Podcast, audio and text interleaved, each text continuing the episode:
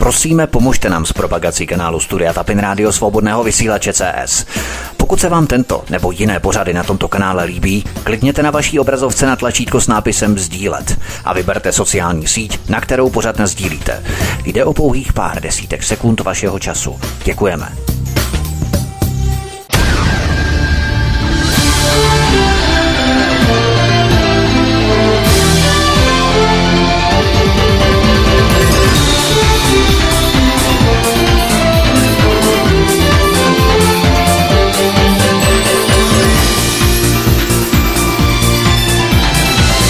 Krásný, dobrý večer, dámy a pánové, milí posluchači od mikrofonu svobodného vysílače nebo na kanále Odisí vás zdraví vítek. Vítejte při poslechu první epizody z dvoudílného pořadu Nacistické kořeny Evropské unie.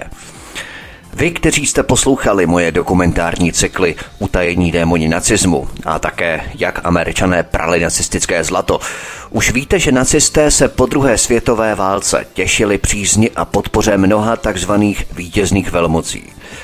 Zejména američané pomohli pohrobkům nacistů znovu povstat z popela a postupně obnovovat své znalosti, sílu a moc. To mělo za následek i vzestup nacistické a fašistické ideologie vedené americkou dominancí. Americké nadnárodní korporace se snažily uchvátit kontrolu nad přírodními surovinovými zdroji po celém světě – Výslednicí této nacistické a fašistické ideologie je brutalizovaný a militarizovaný imperialismus a kapitalismus. Ten Amerika projektovala do dvou křídel. Operace Condor v Latinské Americe a operace Gladio v Evropě. Tyto dvě operace jsem pokryl v mých pořadech Chile 50 let po Pinochetovi, Tajná síť Gladio, Turecko a šedí vlci šestidílný cyklus Nesvatá aliance mezi Vatikánem, mafií a CIA a v posledním dvoudílném pořadu Škola Ameriky. Dnes se budeme věnovat politickému, právnímu a ekonomickému rámci v Evropě, která projektuje vzrůst nacifikované a fašizované společnosti. Druhé křídlo nacistů se po válce vedle Ameriky rekrutovalo v Evropě – Všichni se znepokojením pozorujeme nacifikační procesy po celém euroamerickém prostoru. To zhmotňuje přímý odraz a zrcadlení vzrůstu generací dětí původních nacistů. Zatímco v utajených démonech nacismu jsem se věnoval americkému křídlu na levém břehu Atlantiku. V tomto cyklu se budu věnovat pravému břehu Atlantiku, tedy křídlu evropskému.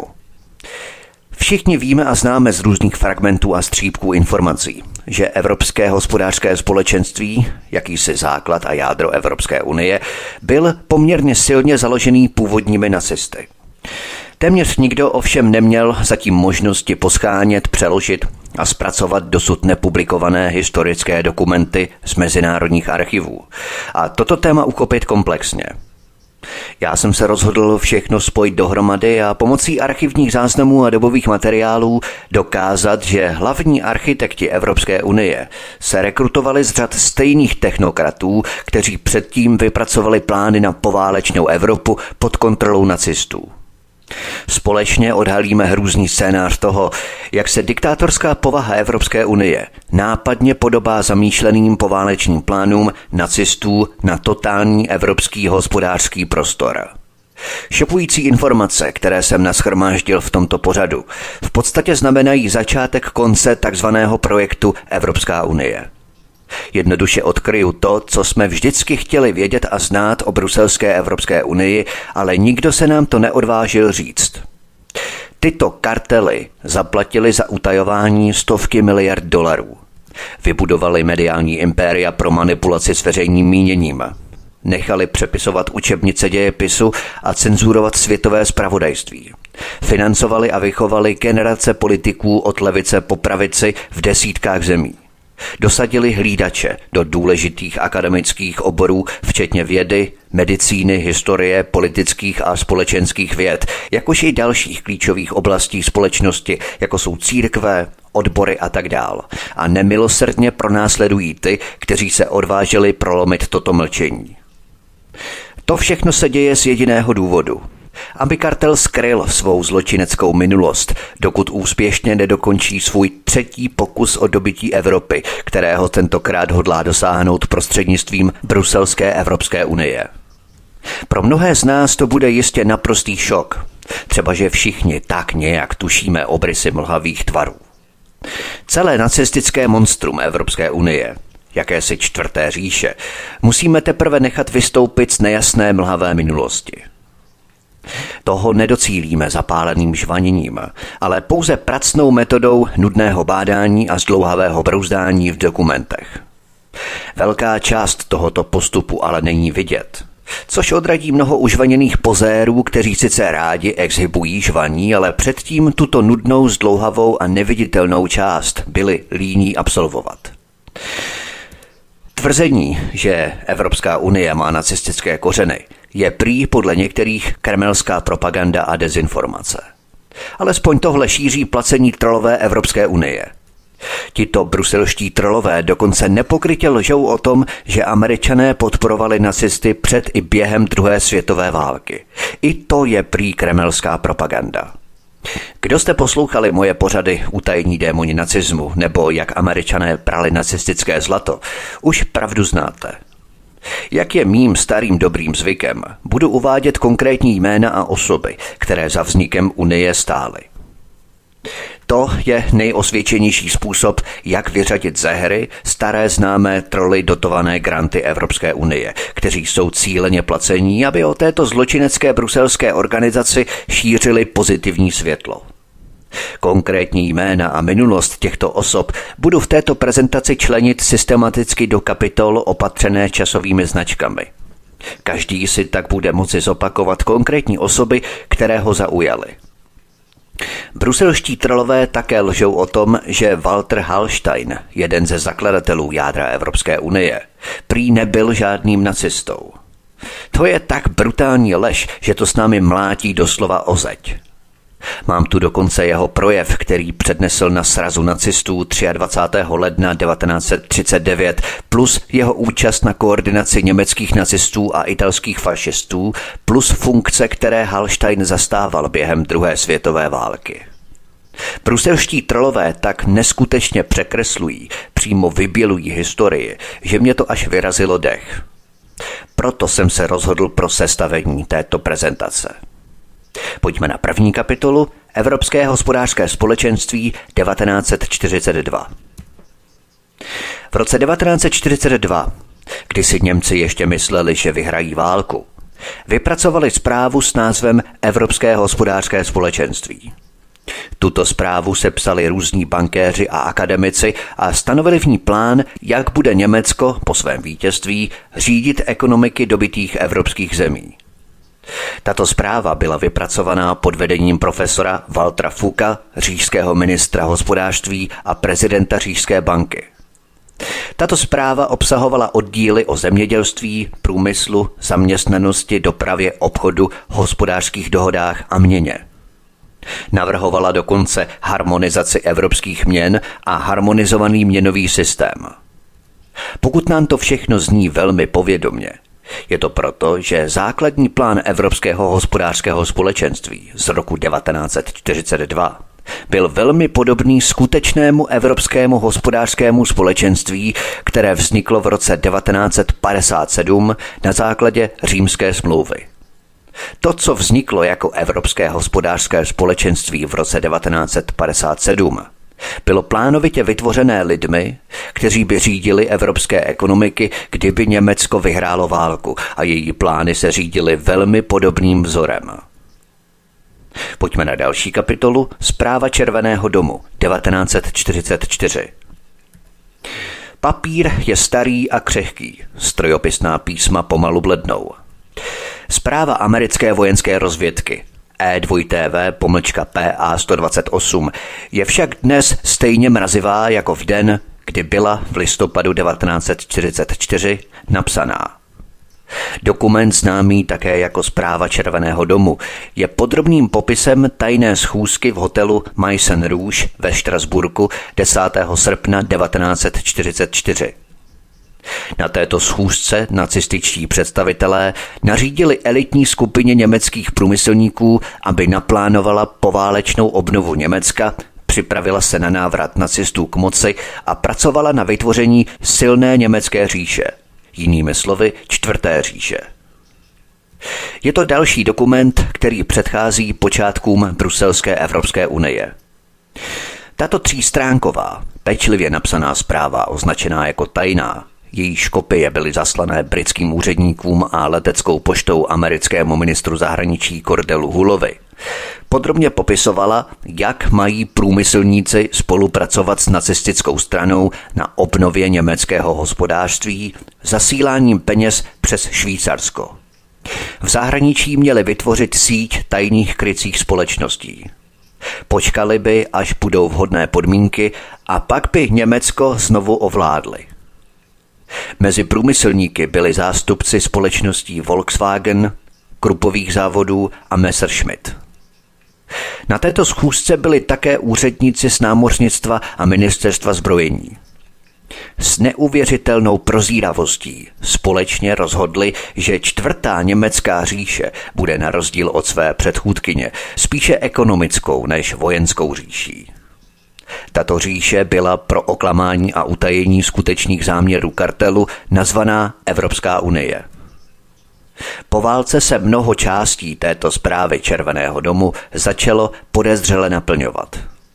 Nacistické Německo skutečně vyváželo obrovské množství kapitálu přes neutrální země. Německé podniky skutečně vytvořily síť krycích společností v zahraničí.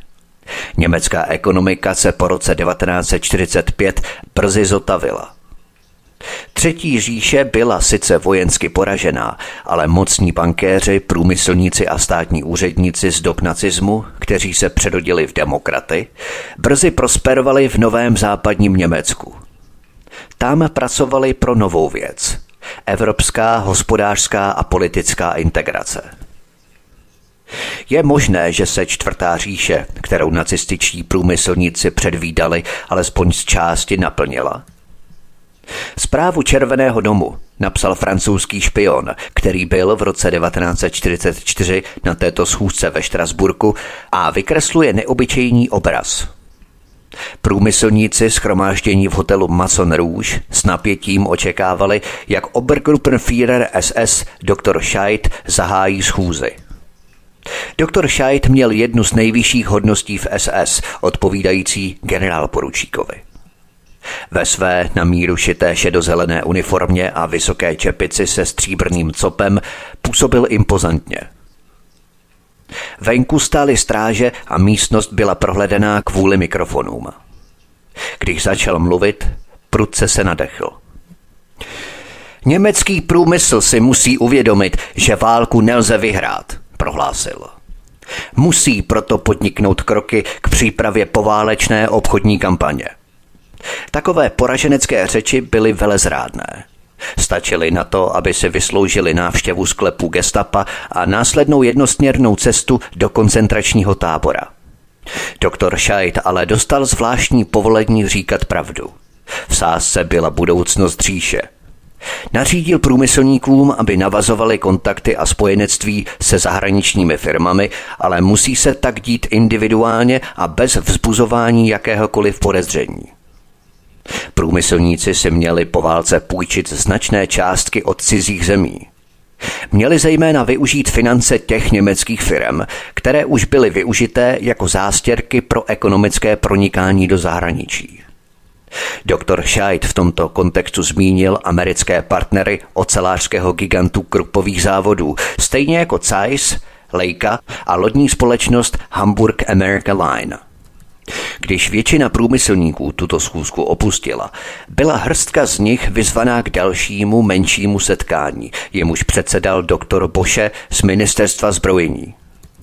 S elitou elity se měla sdílet tajemství. Doktor Boše vysvětloval, že i když nacistická strana průmyslníkům oznámila, že válka je prohraná, odpor proti spojencům bude pokračovat, dokud se nepodaří získat záruku jednoty Německa. Poté vyložil tajnou třístupňovou strategii pro čtvrtou říši. V první fázi se měli průmyslníci připravit na financování nacistické strany, která by byla nucená přejít do podzemí. To si ukážeme, že se tak skutečně stalo, protože i hned po válce se začala formovat tajná polovojenská stínová armáda bývalých starých nacistů. Předvedu to samozřejmě na konkrétních jménech a vazbách. Ve druhé etapě nebo fázi by vláda přidělila německým průmyslníkům velké částky na vytvoření bezpečné poválečné základny v zahraničí.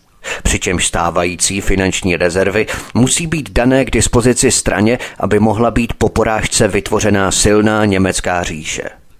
Ve třetí fázi měly německé podniky prostřednictvím nastrčených firm vytvořit spící síť agentů v zahraničí kteří měli být krytí pro vojenský výzkum a zpravodajství, dokud se nacisté nevrátí k moci. O jejich existenci má vědět jen velmi málo lidí v každém odvětví a šéfové nacistické strany, oznámil doktor Boše. Každý úřad bude mít styčného agenta se stranou – Jakmile bude strana dostatečně silná, aby obnovila svou kontrolu nad Německem, budou průmyslníci za své úsilí a spolupráci odměnění úlevami a zakázkami, dodal doktor Boše. Tyto vyvážené prostředky měly být směrované prostřednictvím dvou bank v Curychu nebo prostřednictvím agentur ve Švýcarsku, které za pětiprocentní provizi nakupovaly nemovitosti ve Švýcarsku pro německé koncerny. Probíral jsem to v mém pořadu, jak američané prali nacistické zlato, což byl jenom střípek z celého koláče a základní modus operandi celé operace. Nacisté už léta tajně posílali finanční prostředky přes neutrální země. Švýcarské banky, zejména Švýcarská národní banka, přijímaly zlato uloupené ze státních pokladen zemí okupovaných nacisty – Švýcarská hospodářská spolupráce s nacisty byla spojeneckými spravodajskými službami pečlivě sledovaná. Autor zprávy Červeného domu k tomu poznamenává, cituji. Dříve se vývoz kapitálu německých průmyslníků do neutrálních zemí musel uskutečňovat spíše skrytě a prostřednictvím zvláštního vlivu. Nyní nacistická strana stojí za průmyslníky a nabádá je, aby se zachránili tím, že získají finanční prostředky mimo Německo a zároveň podpoří plány strany na její poválečné operace. Příkaz k vývozu zahraničního kapitálu bylo v nacistickém Německu technicky vzato nezákonným, ale v létě 1944 už na zákonu nezáleželo. Konec citace. Posloucháte první epizodu z dvoudílného pořadu Nacistické kořeny Evropské unie. Od mikrofonu svobodného vysílače nebo na kanále Odisí vás zdraví vítek, písnička je před námi a po ní pokračujeme dál. Hezký večer, pohodový poslech.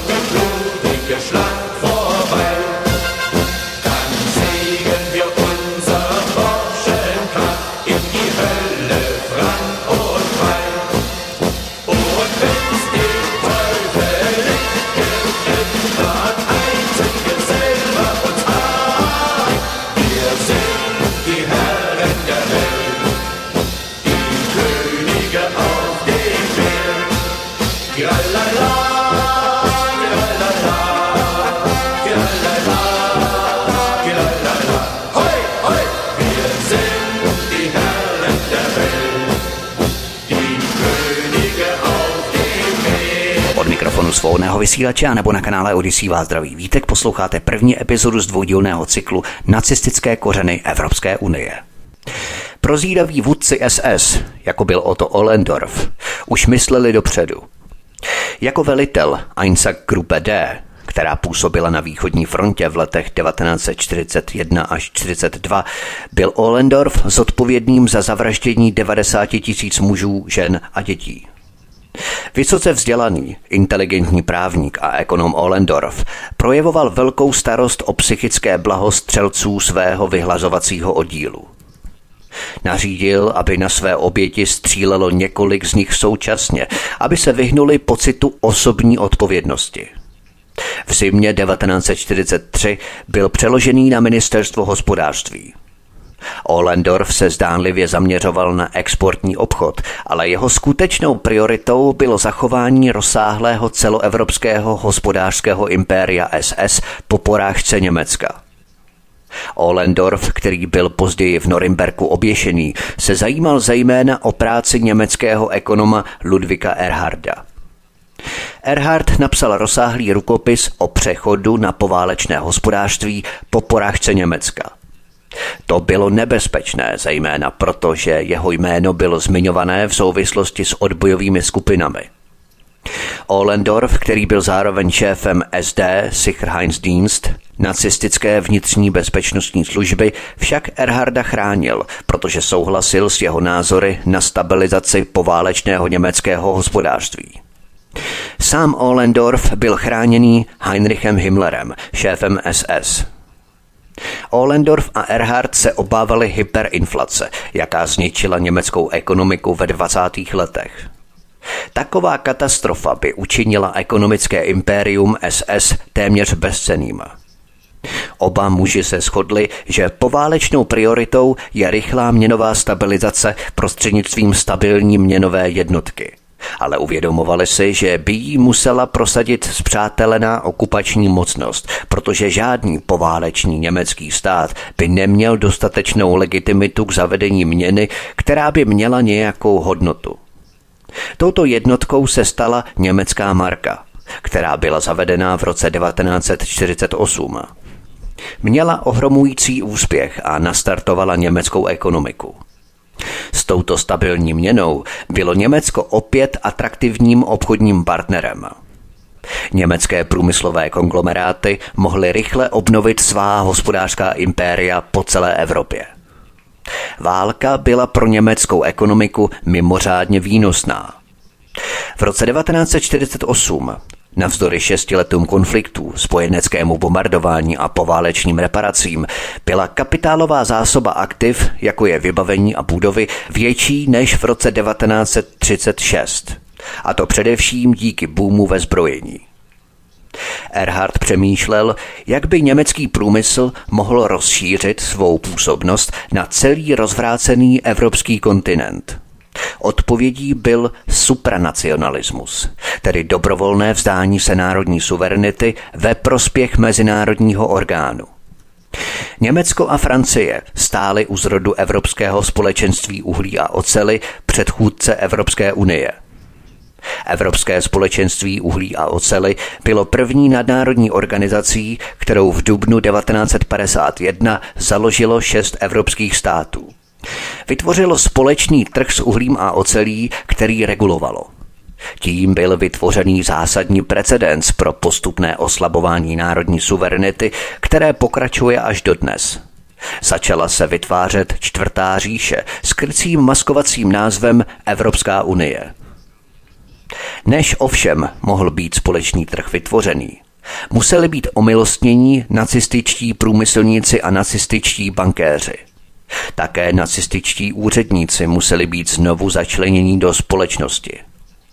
V roce 1957 proto vydal John J. McCloy, americký vysoký komisař pro Německo, amnestii pro průmyslníky odsouzené za válečné zločiny. Dva nejmocnější nacističtí průmyslníci, Alfred Krupp z Kruppových závodů a Friedrich Flick, jehož Flickova skupina nakonec vlastnila 40% akcí Daimler Benz, byli propuštění z vězení po odpikání sotva tří let. Alfred Krupp a Friedrich Flick byli ústředními postavami nacistického hospodářství. Jejich podniky využívaly otrocké dělníky jako dobytek, který se utahá k smrti. Krupova společnost se brzy stala jedním z předních evropských průmyslových kombinátů. Také Flikova skupina rychle vybudovala nové celoevropské obchodní impérium – Friedrich Flick se za své válečné zásluhy neštítil a až do své smrti v červenci 1972, kdy mu bylo 90 let, odmítal zaplatit jedinou německou marku jako očkodné. Zanechal po sobě majetek v hodnotě více než jedné miliardy dolarů, což v té době odpovídalo 400 milionům liber.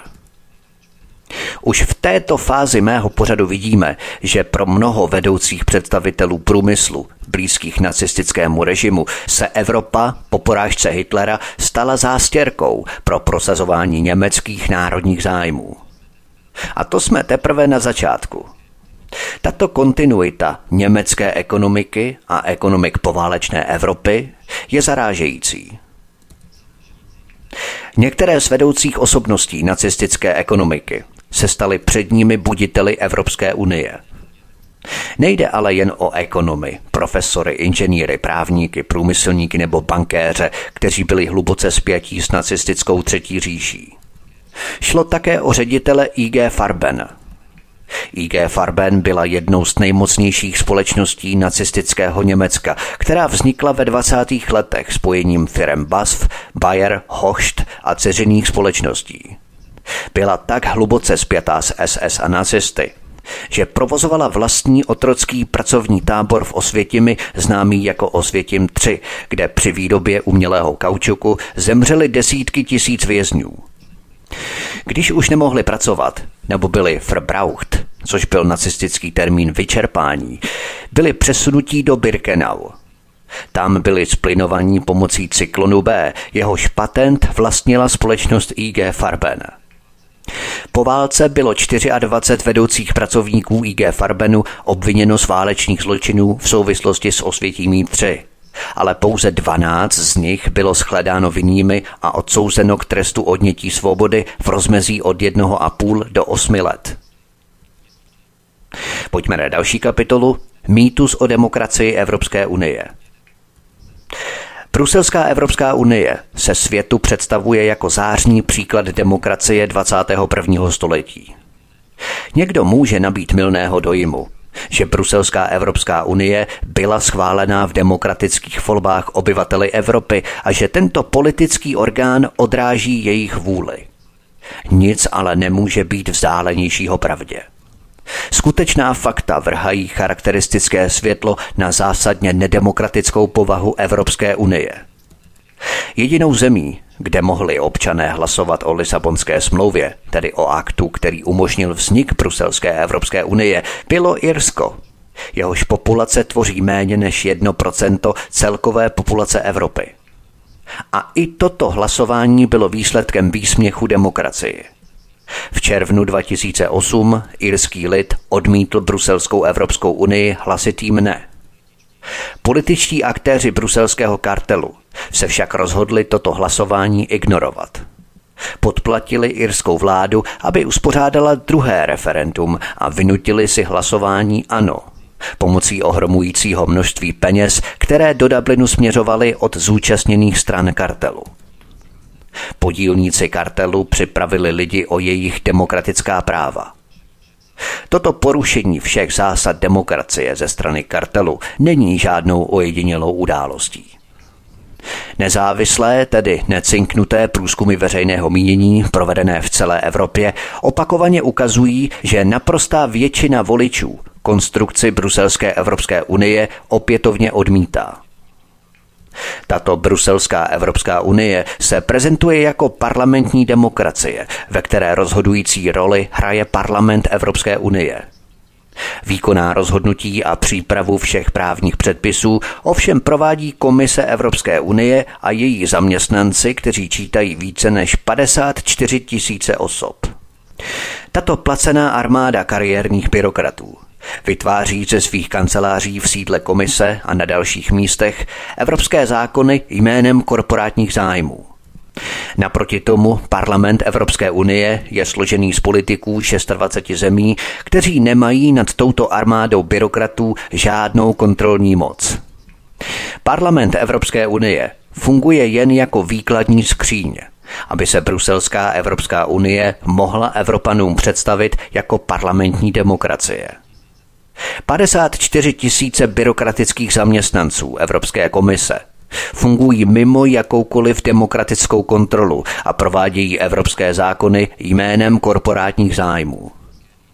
V Evropské unii nelze napsat ani přijmout žádný zákon bez souhlasu Evropské komise, která je jmenovaná jménem korporací. Evropská komise poroučí všem pětistům milionům lidí v Evropě. Vládne. Zvolení členové parlamentu Evropské unie nemají právo na samostatnou tvorbu zákonů. Toto je evropská diktatura obnažená na kost. Pojďme na další kapitolu skupiny korporátních kartelů.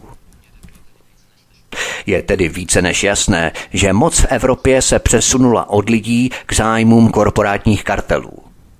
Tento kartel je dobře charakterizovaný. Zahrnuje mnoha miliardové chemické, petrochemické a farmaceutické investiční zájmy. Tento kartel je zdaleka největší korporátní investiční skupinou na světě.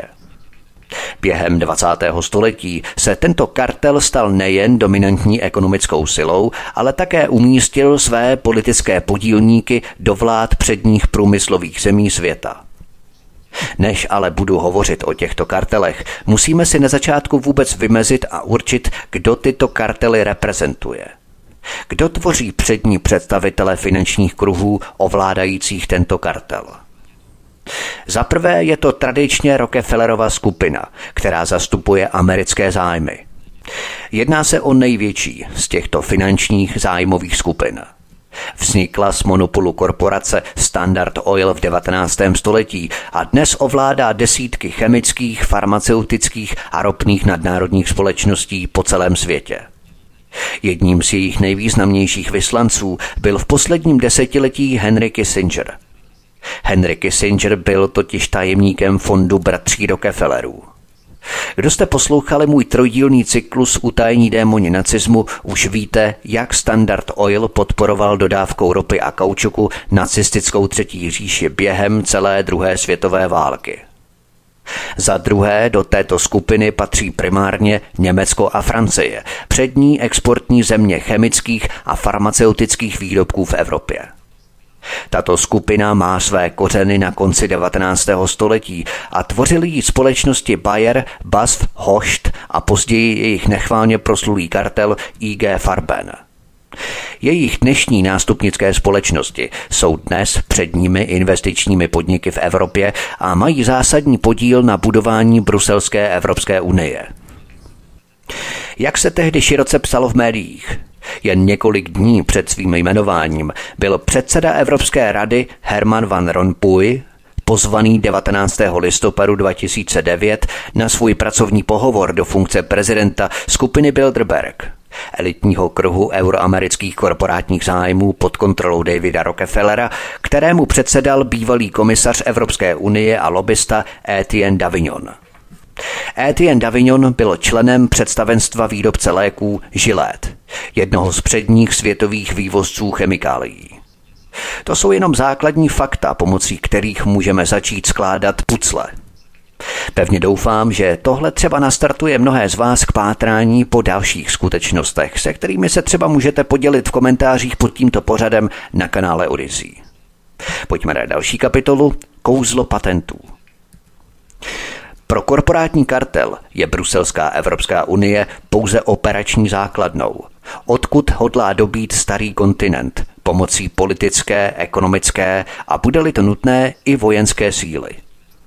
Vidíme, jak obrovskou moc má Evropská unie v rámci zavádění drakonických covidových opatření a jakou obrovskou roli na rozhodování Evropské unie mají farmaceutické korporace. Farmaceutické korporace a jejich evropská lobby ve skutečnosti diktuje směr, kterým se Evropská unie vydává. Z historického hlediska se globální války vedly pomocí zbraní a bomb s cílem dobít a ovládnout jiné země. Dnes jsou ovšem hlavními nástroji k dosažení globální kontroly ekonomické a právní nástroje. Ty se používají jako prostředek k ovládnutí nejen vlád a ekonomik, ale v konečném důsledku i společnosti a lidí. Klíčovými ekonomickými nástroji Bruselské Evropské unie jsou patenty. Zejména patenty na chemické látky, farmaceutické léky, geneticky modifikovaná semena a další high-tech produkty. Nejlukrativnějšími z nich jsou patenty na farmaceutické léky. Například v roce 2008 činil celkový celosvětový prodej léčiv 773 miliard dolarů což je částka, která převyšuje celkový hrubý domácí produkt stovky nejchudších zemí světa. Význam patentů ve strategickém plánování Bruselské Evropské unie si zaslouží zvláštní pozornost. Obecně jsou patenty právní dokumenty. Tyto dokumenty jsou vydávané příslušným vládním orgánem v dané zemi a definují vlastnické právo k výrobku nebo technickému postupu. Patenty jsou vlastně ekonomické nástroje k ovládání národních a mezinárodních trhů. Jsou to ale také politické nástroje. Díky své roli v kritickém zdravotním sektoru jsou patenty na farmaceutické výrobky využívané také jako strategické nástroje k ovládání celých zemí. Obzvláště zhoubným aspektem patentů je to, že jsou tyto patenty využívané k vytváření globálních korporátních kartelů mimo jakoukoliv národní nebo mezinárodní legislativní kontrolu. Velké nadnárodní společnosti se nepotřebují formálně spojovat, aby ovládli trh s určitým výrobkem na celém kontinentu nebo na celém světě. Stačí, když si vykulíkují své územní patentové nároky. Patenty umožňují nadnárodním společnostem kontrolovat celá odvětví společnosti napříč kontinenty, aniž by podléhaly omezením, jako jsou státní hranice. V některých průmyslových odvětvích jsou zisky ve výši bilionu dolarů směrované nadnárodním společnostem, aniž by veřejnost mohla identifikovat příjemce z řad těchto společností. Zvláště ničivý dopad mají patenty na lidské zdraví, protože nadnárodní farmaceutické společnosti se snaží monopolizovat toto pravděpodobně nejkritičtější odvětví v každé společnosti. Výsledkem je, že lidstvu je po desetiletí znemožňovaný přístup k nepatentovaným lékům, které jsou účinnější, bezpečnější a cenově dostupnější v boji proti nejrozšířenějším chorobám současnosti. Ke koordinaci svých globálních nároků si tyto nadnárodní společnosti zřídili centrální kartelovou kancelář Evropskou unii v Bruselu. Posloucháte první epizodu z dvoudílného pořadu Nacistické kořeny Evropské unie. Od mikrofonu svobodného vysílače nebo na kanále Odisí vás zdraví vítek, písnička je před námi a pod ní pokračujeme dál. Hezký večer, pohodový poslech.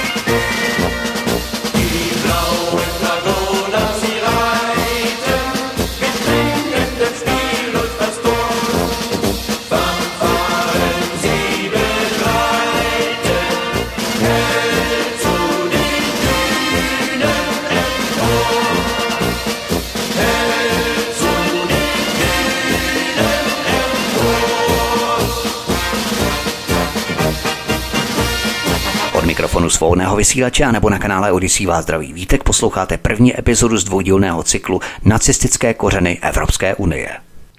Finanční skupiny stojící za tímto kartelem mají zájem na ovládnutí obřích globálních trhů, které ovlivňují doslova každý lidský život.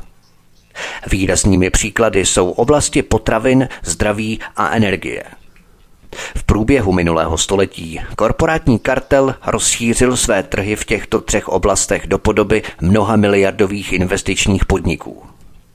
Vybudování těchto obřích globálních trhů bylo založené na dvou strategických nástrojích.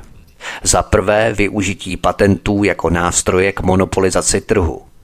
Za druhé dezinformace veřejnosti s cílem udržet lidi v iluzi o alternativách. Výsledkem je, že každý člověk v průmyslově vyspělých oblastech světa dnes platí přibližně třetinu svého disponibilního příjmu jako daň tomuto kartelu.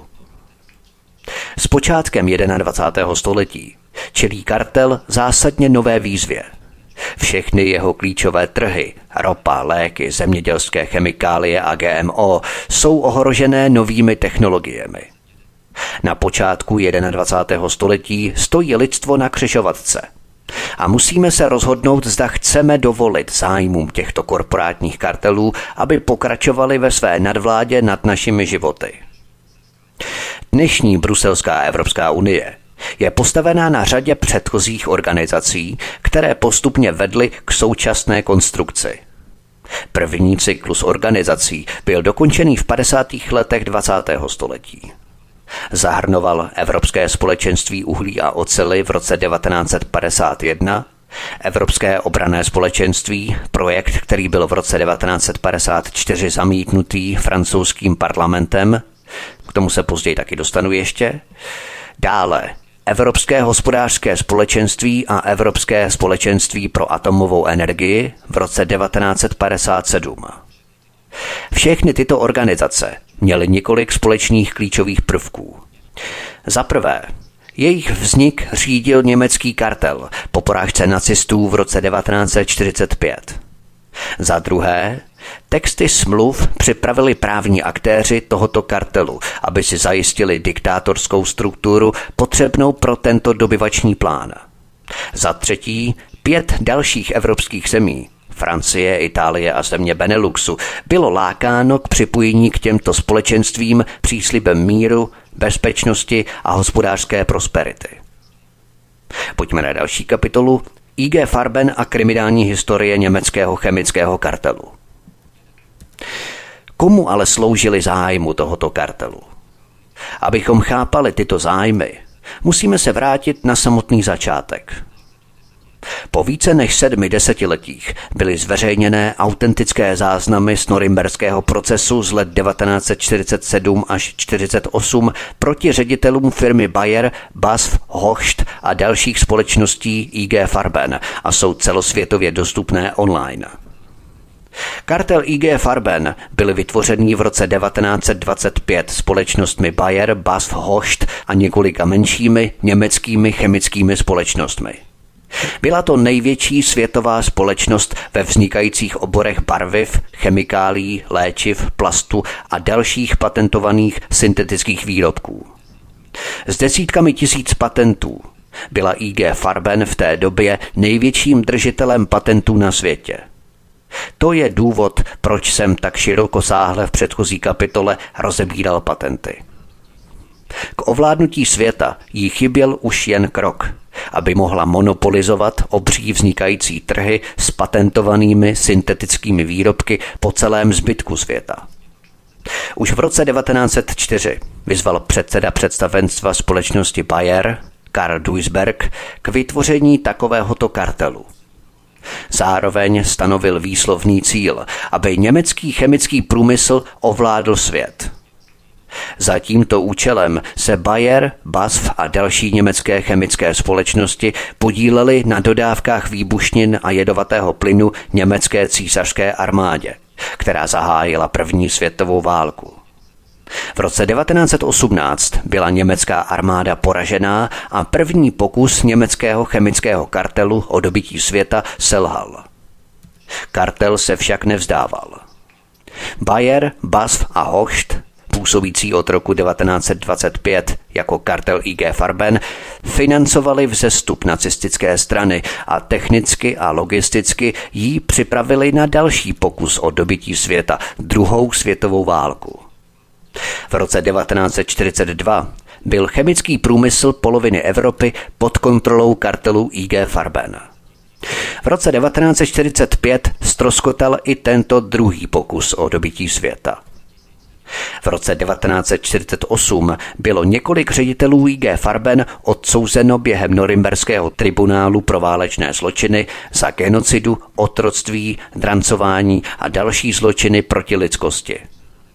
Příkladem úzké spolupráce mezi IG Farben a nacisty je koncentrační tábor Osvětim – Společnost IG Farben, financovaná úvěrem ve výši jedné miliardy říšských marek od Deutsche Bank a Dresden Bank, vybudovala v polské Osvětimi největší průmyslový komplex na tehdejším světě.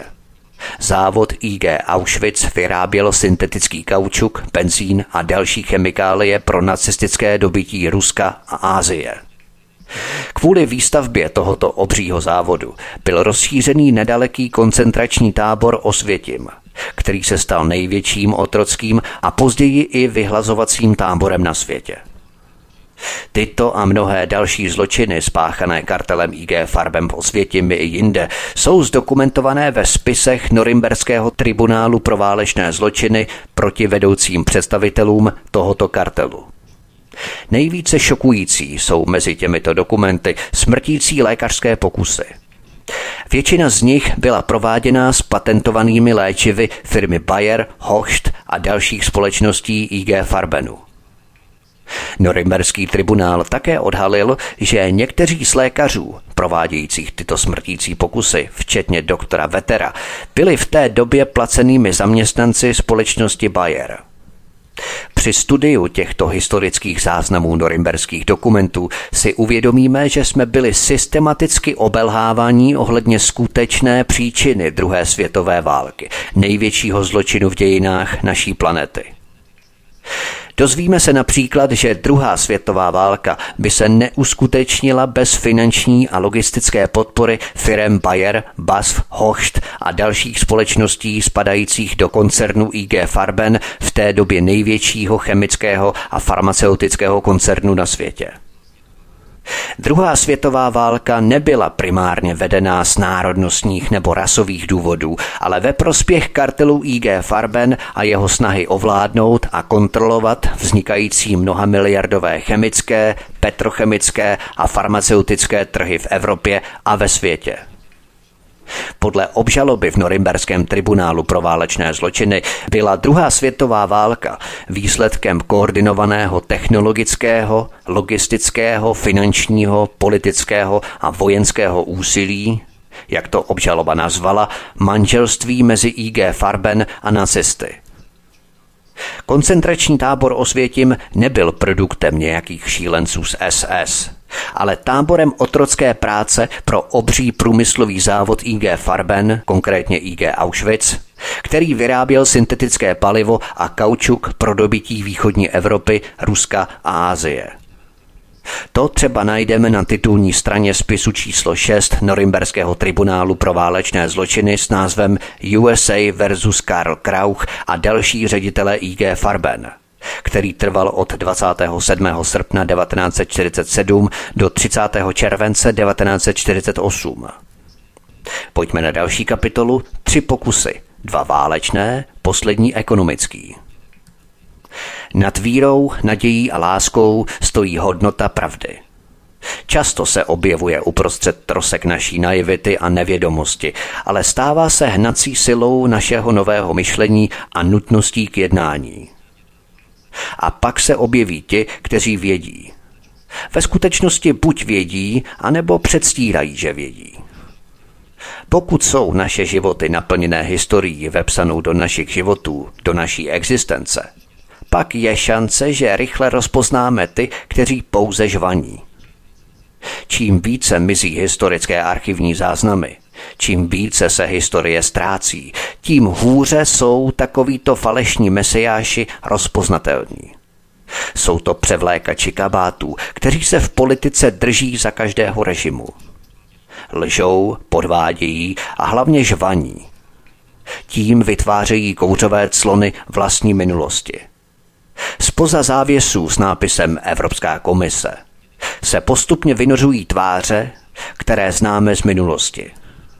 Je to lavice obžalovaných a odsouzených Norimberským tribunálem. Jsou to ředitelé, právní poradci a inženýři ze stavby Osvětimi nebo chemického závodu IG Farben. Všichni viděli smrt a agónii umírajících, ale odvraceli zrak. Slyšeli pronikavé výkřiky dozorců, jejich nadávky a údery, bytí, nezřídka smrtící. Oni však zůstali hluší k volání o pomoc nebo o milost. Tiše jen sledovali výsledky své firmy a hlídali zisky. Jejich jedinou starostí byly nedostatečné výsledky tohoto ďábelského podniku. Peníze, kartely a farmaceutický průmysl. Tyto struktury, které jsou téměř všude opakem svobody, se opět postavily na stranu popravčího, nikoli v oběti. Tři čtvrtě století se světu tvrdilo, že druhou světovou válku způsobil psychopat Adolf Hitler a jeho družina rasistických gaunerů nacistů. Skutečnost je však taková, že druhá světová válka byla dobyvačnou válkou vedené jménem chemického a ropného kartelu s cílem ovládnout mnoha miliardové světové trhy v nově vznikajících oborech patentovaných chemických produktů. Oficiální dokumenty amerického kongresu a norimberských tribunálů pro válečné zločiny jednoznačně ukazují, že druhou světovou válku nejen představoval, ale také logisticky a technicky umožňoval největší a nejznámější ropný chemický kartel té doby. A to německý kartel IG Farben, který tvořili společnosti Bayer, PASF, Hocht a další chemické společnosti. Schrnutí obžaloby z Norimberku dokazuje, že bez IG Farbenu by se druhá světová válka nemohla uskutečnit. Samotná první světová válka byla prvním pokusem o ovládnutí světa těmito korporátními zájmy. Potom, co oba dva tyto válečné pokusy o podmanění Evropy a světa selhaly, investoval kartel do třetího pokusu ekonomického a politického ovládnutí Evropy prostřednictvím Bruselské Evropské unie.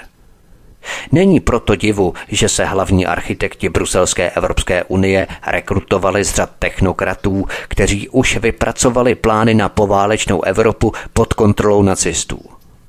Vys dokumenty, které jsem citoval v první a druhé kapitole. Odpověď na otázku, proč jsme o těchto otřesných skutečnostech pravděpodobně neslyšeli dříve, je jednoduchá. Kartel po roce 1945 investoval stovky miliard dolarů s jediným cílem. Přepsat historii a zakrýt svou zločinnou minulost – Toto zakrytí korporátního původu dvou světových válek bylo zřejmě předpokladem pro třetí pokus kartelu, tentokrát prostřednictvím Bruselské Evropské unie o dobytí a ovládnutí Evropy. Zájmy tohoto kartelu zjevně doufali, že se jim prostřednictvím Bruselské Evropské unie podaří upevnit svou kontrolu nad Evropou, aniž by tyto temné kořeny byly odhalené. Úlohou zpravodajské alternativy je docílit toho, aby tento podvodný plán Evropské unie selhal. Desítky tisíc autentických dokumentů znamenají, že zločinný experiment Bruselské Evropské unie skončil. Žádná demokratická osoba, organizace ani strana už nemůže podporovat tento třetí pokus o dobytí Evropy. Všichni politici, kteří podepsali Lisabonskou smlouvu, nepochopili, že jejich podpisy představují zmocňovací akt pro kartel a jeho podílníky k převzetí kontroly nad Evropou. Tito politici a politické strany nikdy nebudou schopné veřejně odvolat svou podporu modelu Evropy, který byl postavený na desetiletích lží a podvodů. Pojďme na další kapitolu Půl století podvodů. Při poslechu tohoto pořadu si možná pomyslíme, že předkládané překvapivé informace přece nemohou být pravdivé, protože kdyby byly, určitě bychom už o nich někdy slyšeli. Existuje však jednoduchý důvod, proč jsme o těchto skutečnostech dosud možná nevěděli. Protože dva předchozí pokusy o dobytí Evropy, první a druhá světová válka stroskotaly, věděli aktéři kartelu, že třetí pokus může být úspěšný jedině tehdy, pokud se podaří jeho účast na předchozích dvou pokusech válek v podstatě vymazat z paměti lidstva. Jak jinak si vysvětlit, že více než 60 tisíc stran z norimberského tribunálu proti kartelu IG Farben bylo více než 6 desetiletí ukryto v mezinárodních archivech? Kdyby byla rozhodující role kartelu za první a druhé světové války odhalená už v minulosti, nikdy by tyto korporátní interny neměly šanci zahájit další třetí pokus o dobytí Evropy. Skrývání této zločinecké minulosti jako takové je pro budování bruselské Evropské unie stěžejní. Zatímco političtí a vojenští aktéři kartelu byli odsouzeni v Norimberku, jeho právní a ekonomičtí aktéři byli pověřeni přípravou a realizací třetího pokusu kartelu o ovládnutí Evropy. K tomuto cíli jednoduše financovali vzestup nové generace politických aktérů v klíčových zemích. Kdo ale byli tito lidé? Na tomto místě nastává ten pravý čas pro odhalení konkrétních osob. Jak vždycky ve svých pořadech tvrdím, za vším stojí lidé se jmény z masa a kostí. Posloucháte první epizodu z dvoudílného pořadu Nacistické kořeny Evropské unie. Od mikrofonu svobodného vysílače nebo na kanále Odisí vás zdraví vítek, písnička je před námi a po ní pokračujeme dál. Hezký večer, pohodový poslech. Ein heller und ein Batzen,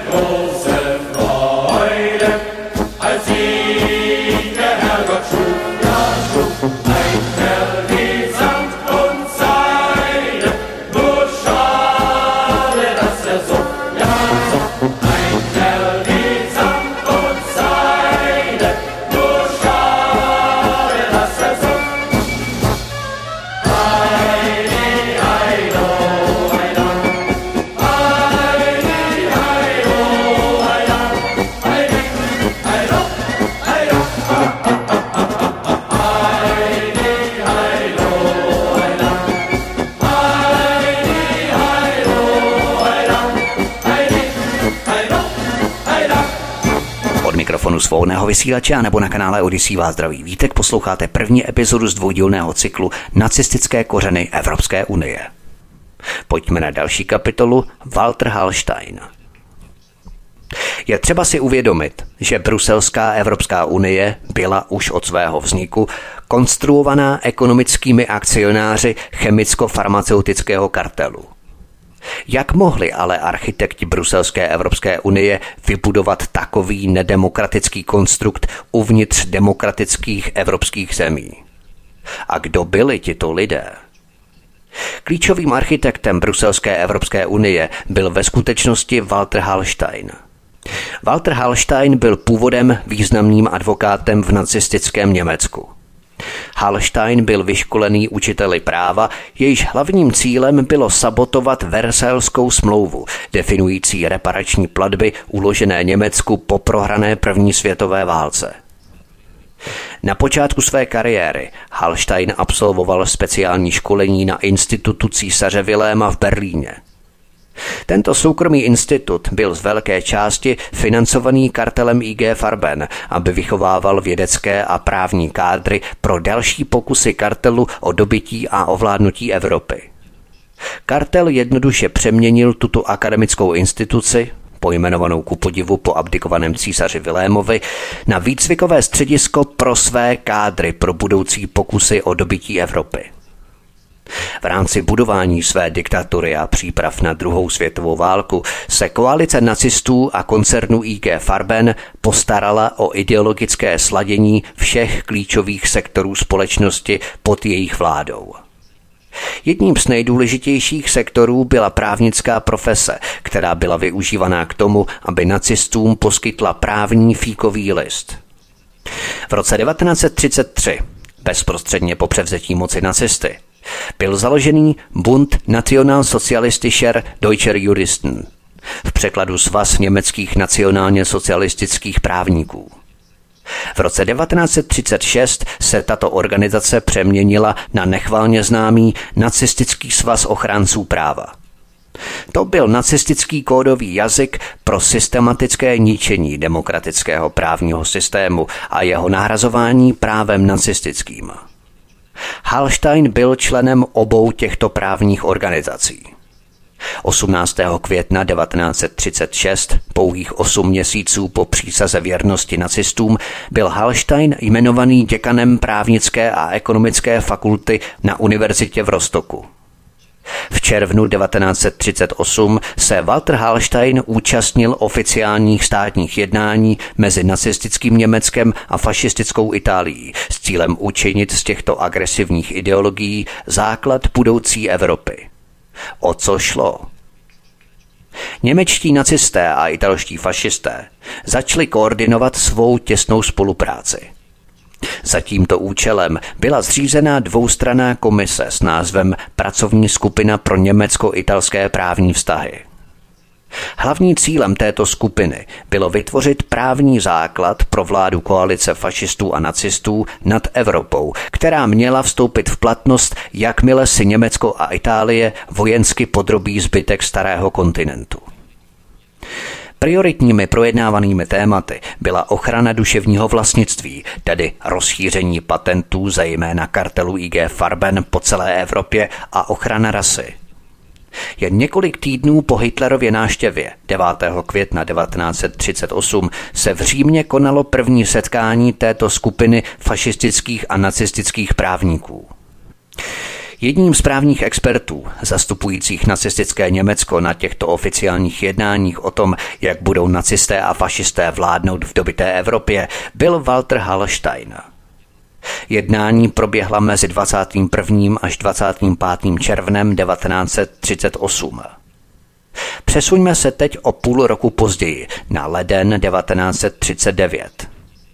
23. ledna 1939 Totiž pronesl Hallstein, tehdejší děkan právnické a ekonomické fakulty na univerzitě v německém Rostoku, propagandistický projev o právní restrukturalizaci Evropy.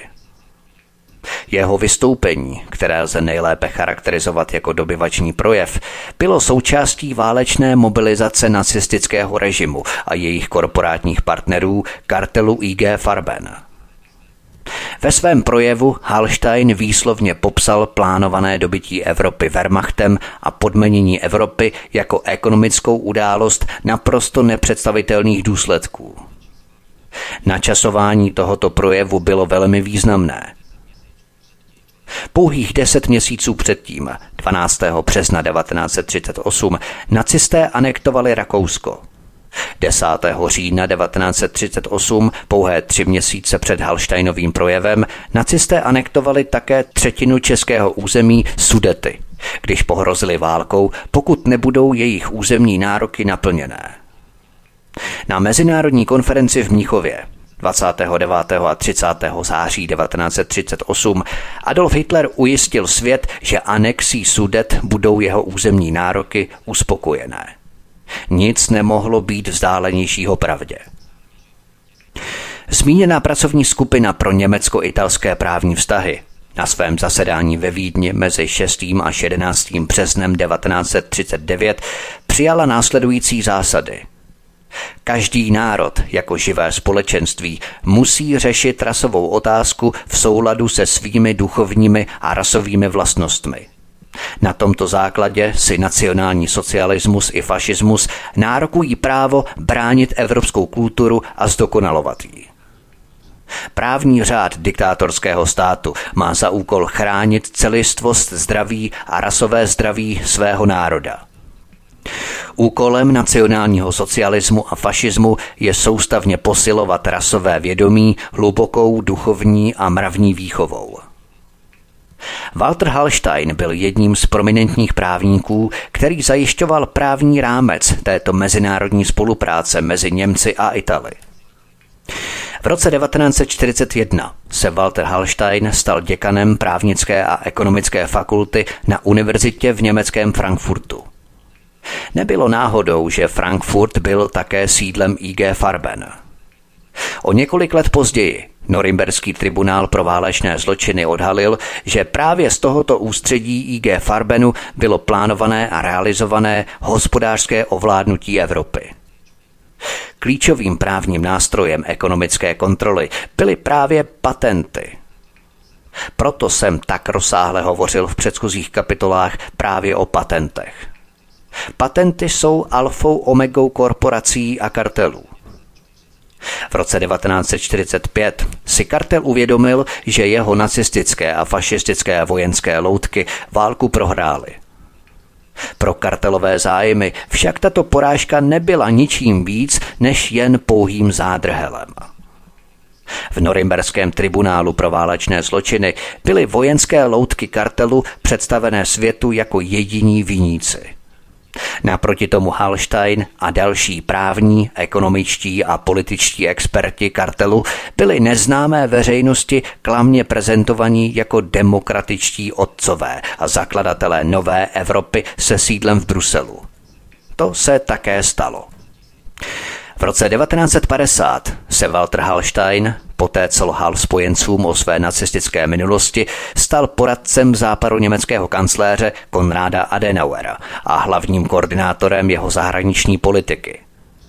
Díky svým předchozím rozsáhlým zkušenostem s plánováním Evropy pod vládou kartelů a nacistů se Hallstein stal klíčovým architektem Bruselské Evropské unie – Hallstein, prominentní nacistický právník a expert na koncern IG Farben, byl těmito korporátními zájmy vybraný, aby se stal prvním předsedou Komise Evropské unie s konkrétním úkolem vytvořit Bruselskou Evropskou unii podle původních plánů koalice nacistů s IG Farbenem na ovládnutí Evropy prostřednictvím centrálního kartelového úřadu. 25. března 1957 byl Walter Hallstein jedním z 12 signatářů římské smlouvy, zakládajícího dokumentu Bruselské Evropské unie. To je také potněšilý kus historie, který si musíme uvědomit. Když Hallstein po skončení konference nacistů a fašistů v roce 1938 opouštěl Řím, nemohl tehdy tušit, že se do tohoto města vrátí o pouhých 19 let později se stejnou misí. Podpis římské smlouvy, jejímž byl Hallstein také spoluautorem. Vidíme, jak se světový běh dějin skutečných vládců a architektů moci nemění. To, co se nepodařilo před válkou v roce 1938, se podařilo po válce o 19 let později, v roce 1957. Římská smlouva. Kdo jste poslouchali mé pořady o evropském gladiu a nesvatou aliancí mezi Vatikánem, mafií a CIA, už víte, že také v Itálii byli do mocenských pozic znovu navrácení bývalí fašisté. Všechno se odehrává pod pláštíkem a maskování, v utajení, ale v naprosto stejných kolejích jako před válkou. Hallstein v roce 1957 dokončil úkol, který dostal v roce 1938. 7. ledna 1958 byl Walter Hallstein jmenovaný prvním předsedou Komise Evropské unie. Tuto funkci zastával po celé desetiletí. V roce 1963 byl Hallstein jmenovaný na druhé pětileté funkční období předsedou Komise Evropské unie. Po celých deset let, od roku 1958 do roku 67, velel Hallstein armádě tisíců úředníků mimo jakoukoliv demokratickou kontrolu. Pojďme na další kapitolu. Karl Friedrich Ophuls. Je zřejmé, že Walter Hallstein nebyl ve své roli hlavního architekta Bruselské Evropské unii sám. Obklopil se právními technokraty, kteří byli už před rokem 1945 významnými aktéry nacistů. Vzhledem k tomu, že klíčovými nástroji kartelů k zajištění jeho budoucí kontroly nad Evropou byly patenty, není překvapením, že si Walter Hallstein vybral jako svou pravou ruku odborníka na patentové právo. Ofulus vystudoval ekonomii a právo a v roce 1923 začal pracovat na německém ministerstvu zahraničí. Po převzetí moci nacisty pracoval Ofulus jako soudce pro patentové právo a ředitel okresního soudu ve Frankfurtu nad Mohanem. Karl Friedrich Ophelus byl za nacistického režimu hlavním soudním znalcem důležitého patentového soudu ve Frankfurtu nad Mohanem, kde sídlila centrála IG Farben. V této funkci byl Ofulus obeznámený se všemi patentovými spory týkajícími se rozkrádání chemického průmyslu v dobytých zemích Evropy kartelem IG Farben. Oful způsobil během druhé světové války jako vedoucí německý právní patentový exekutor zahrnující tisíce patentů IG Farben. Tato skutečnost ho samozřejmě kvalifikovala jako komplice pro další pokus kartelu o dobytí Evropy. Z denacifikačního dotazníku spojenců z roku 1946 vyplývá, že Ofuls byl členem nacistické strany NSDAP. Kvůli jeho nacistické minulosti Spojenecký bezpečnostní úřad v roce 1947 Ofulse klasifikoval následovně, cituji. Tato osoba byla vojenskou vládou dříve shledána nezaměstnatelnou pro jakoukoliv pozici nad běžnou pracovní. Konec citace. Halsteinovo hodnocení o Fulse však bylo v přímém rozporu s hodnocením spojenců. Společně s Gerhardem Schädermayerem, členem nechvalně známého klanu nacistických právníků Schädermayerových, povýšil Hallstein o Fulse během roku 1949 na doktora a profesora práv na Frankfurtské univerzitě. Tedy přesně tam, kde působil za Hitlerova nacistického Německa. O rok později, v roce 1950, Hallstein nejmenoval Ofulse velvyslancem v Bruselu a svou pravou rukou při budování Bruselské Evropské unie. Tedy ještě jednou, Ofuls byl jmenovaný Hallsteinem jako velvyslanec Německa v Bruselu. Hallsteinova pravá ruka v Belgii. Ofuls se po válce stal právním poradcem německé vlády pro evropskou integraci. To prostě nevymyslíš.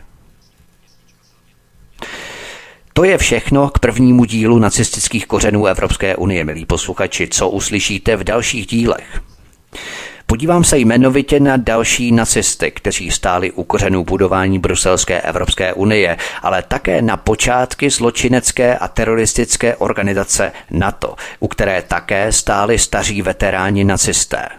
A nebyli to žádní řadoví důstojníci, pěšáci, ale špičky NATO – Uvedu samozřejmě konkrétní jména a vazby. Vrůst nacistů do struktur NATO, FBI, CIA a Evropské unie je tak ohromující, až se z toho jednomu doslova tají dech. Všechno budu samozřejmě projektovat na konkrétních jménech, aby nevznikaly pochybnosti o validitě předkládaných informací.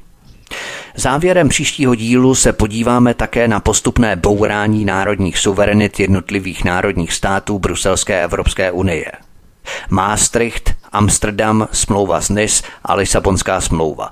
Nebojte, nebude to žádné nudné předčítání bruselštiny, ale vypíchnu skutečně jen to nejdůležitější, co bychom si měli z těchto smluv zapamatovat. A nejenom o tom si budeme povídat příště ve druhém dílu, to bude hutnější, informativně ještě nabitější než tento díl, to byla taková, řekněme, teoretická fáze základu nebo předmluvy toho, co bychom měli vědět v rámci plánování nacisty na evropské utváření nacisty po jejich. Eh, nejprve to bylo v roce 1942 v případě výhry nacistů a v roce 1944 to bylo plánování Evropy v případě prohry nacistů. Protože nacisté si už střízlivě uvědomovali, že válku prohrají a i tak plánovali budoucí uspořádání Evropy. Na všechno jsou konkrétní validní dokumenty, jména, data, informace, vazby, kontakty a tak dále. A o těch jménech a o dalších osobách si budeme povídat příště. Zmíníme i nacistické základy NATO, protože to je velmi důležité důležité a zásadní pro to, abychom chápali, na jakých základech vůbec tyto instituce stojí a čí práva vlastně obhajují. Protože to nejsou práva lidí, nejde o ochranu nás, vůbec ne, ani náhodou. A o tom všem si budeme povídat příště ve druhém díle nacistických kořenů Evropské unie. Děkuji vám za pozornost, budu rád, když mě zanecháte vaše komentáře, postřehy, návrhy, když budete samozřejmě tento pořad sdílet do třeba čeksitáckých skupin na sociálních médiích anebo jakýchkoliv dalších skupin, případně do diskusních for, kamkoliv můžete vložit odkazy, můžete sdílet na Twitter, LinkedIn, Facebook, případně rozposílávat e-maily. Fantazie se meze nekladou a zanechte mi samozřejmě komentáře a případně se zaregistrujte na kanál Odyssey kliknutím na tlačítko odebírat, sledovat a také zvoneček v rámci zapnutí notifikací, abyste nezmeškali další druhý díl a další pořady, které pro vás chystám. Můžete samozřejmě brouzdat na tomto kanále a pustit si třeba i některé z mých minulých pořadů, které samozřejmě se věnují i dalším zajímavým tématům. To by bylo všechno pro tento první díl nacistických kořenů Evropské unie. Já se s vámi loučím, milí posluchači, od mikrofonu svobodného vysílače nebo na kanále Odyssey. Vás zdraví Vítek. No a příště u druhého dílu se s vámi opět těším na slyšenou.